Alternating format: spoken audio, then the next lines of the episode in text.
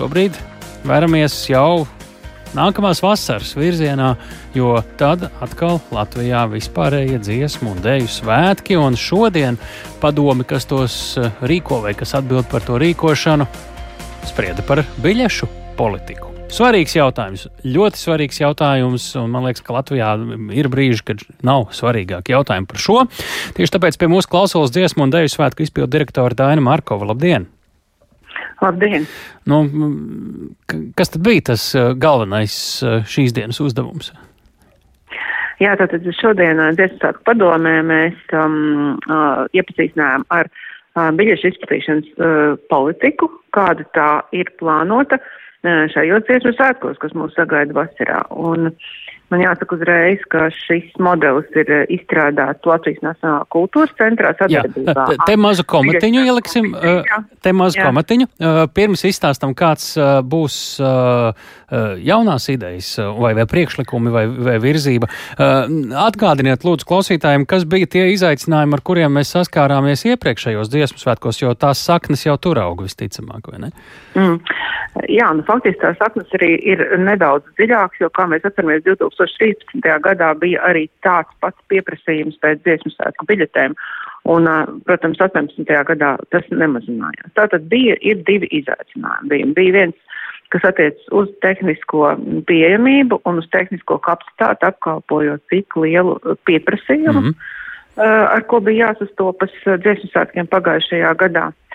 Un otrs tā tad bija mm, uzdevums tā tad novērst to, uh, to nepilnību, teiksim tā, uh, līgumā un, un attiecībās ar biļešu pārdevēju, kas ļāva biļešu pārdevējam mm, no pircēja uh, prasīt papildus maksu par apkalpošanu internetā. Tātad biļetes cena plus procents par šo apkalpošanas faktu.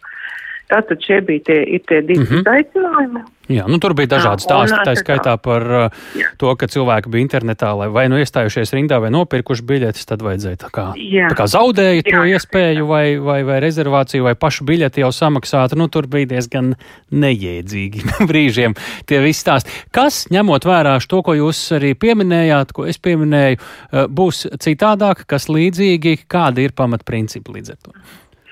Tātad biļetes uz koncertiem varēs nopirkt gan kasēs, gan internetā uh, Latvijā, uh, gan arī internetā starptautiski. Otrs um, tāds jauns. Būs nodalīts internets Latvijā un internets starptautiski kaut kādā apjoma ziņā vai, vai visi, visi vienlīdzīgi? Nē, nē, tas nebūs apjoma, nu, vienkārši tā ir pieejamība. Internets kā jau mums. Labi, jā. Mhm. Tas ir globāls tīmeklis, jā. jā. Tātad um, šoreiz esam nolēmuši, ka mēs tirgosim biļetes pakāpeniski, tas nozīmē vairākas dienas. Un nevis uz visiem pasākumiem uzreiz, bet pamazām uz pasākumiem šobrīd ir tāda doma sākot uh, kalendāri ar pirmajiem pasākumiem līdz noslēguma pasākumiem. Tātad biļetes uh, ir plānots tirgot trīs vai četras dienas katru reizi, katru dienu. Uh, um, laižot tirdzniecībā, mm, noteiktu konkrētu uh, koncertu skaitu. Kāpēc tas, šādi? Jā.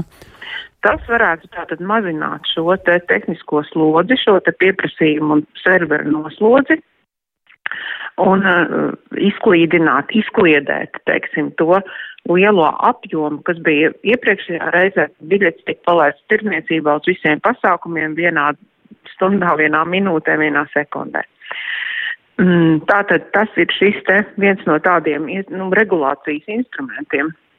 Un tas būs pirmo reizi, un mēs ceram, ka tas varētu mazināt šo tehnisko serveru slodzi. Otrs, mēs ļoti ceram, ka pa šo piecu gadu laikā arī tehniskā kapacitāte, mm, nezinu, biļešu tirgotājiem, kurš tas būs, jo šobrīd norit iepirkums, būs, ir palielinājusies un uzlabojusies. Uh, Tā kā, nu, teiksim, tas ir tas, kā mēs šobrīd plānojam novērst uh, tīri tehniskās problēmas, kas bija ar biļešu, biļešu tirniecību, tīri no tehniskā viedokļa, labi. izkliedējot iespēju. Sapratām, labi. Mhm. Mums vienkārši laiks skrien, tāpēc es te tā bišķi bakstu. Jā, jā, jā.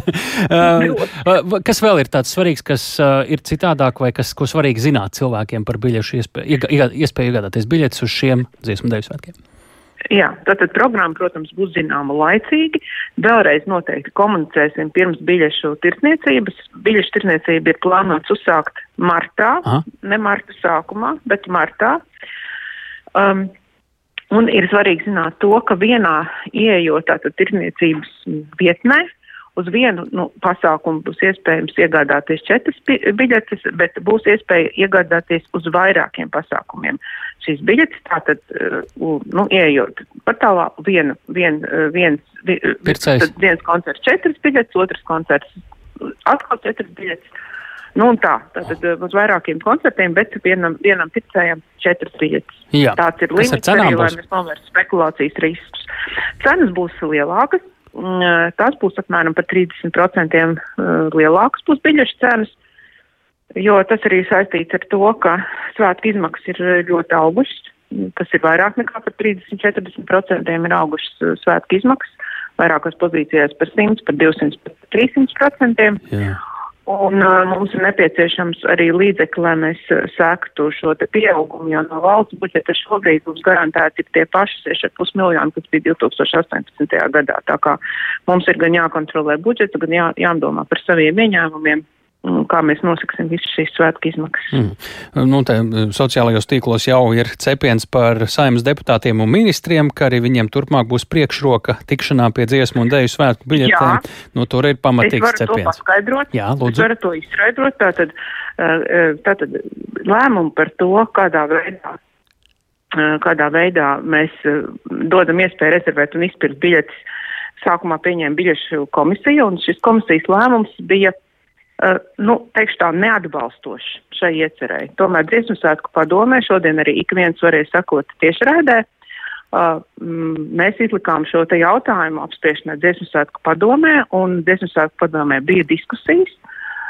Un šo diskusiju rezultātā un balsojuma rezultātā, nu, tika pieņemts šāds lēmums padomē. Tad nu, beigās kā būs? Es īsti nesapratu. Izdiskutēts lēmums, es varētu teikt tā ka būs šīs priekšrocības rezervēt viņiem. Jā, tā mm. tika nobalsots, ka būs šīs priekšrocības. Jā. Jā, nu, nu, tā tika nobalsots, bet atbalsts ir liela. Un vēl viena lieta par iespēju šādas priekšrocības saņemt arī koncertu dalībniekiem, kuru piederīgie draugi vēl kaut kas grib atnākt paskatīties, kā tad.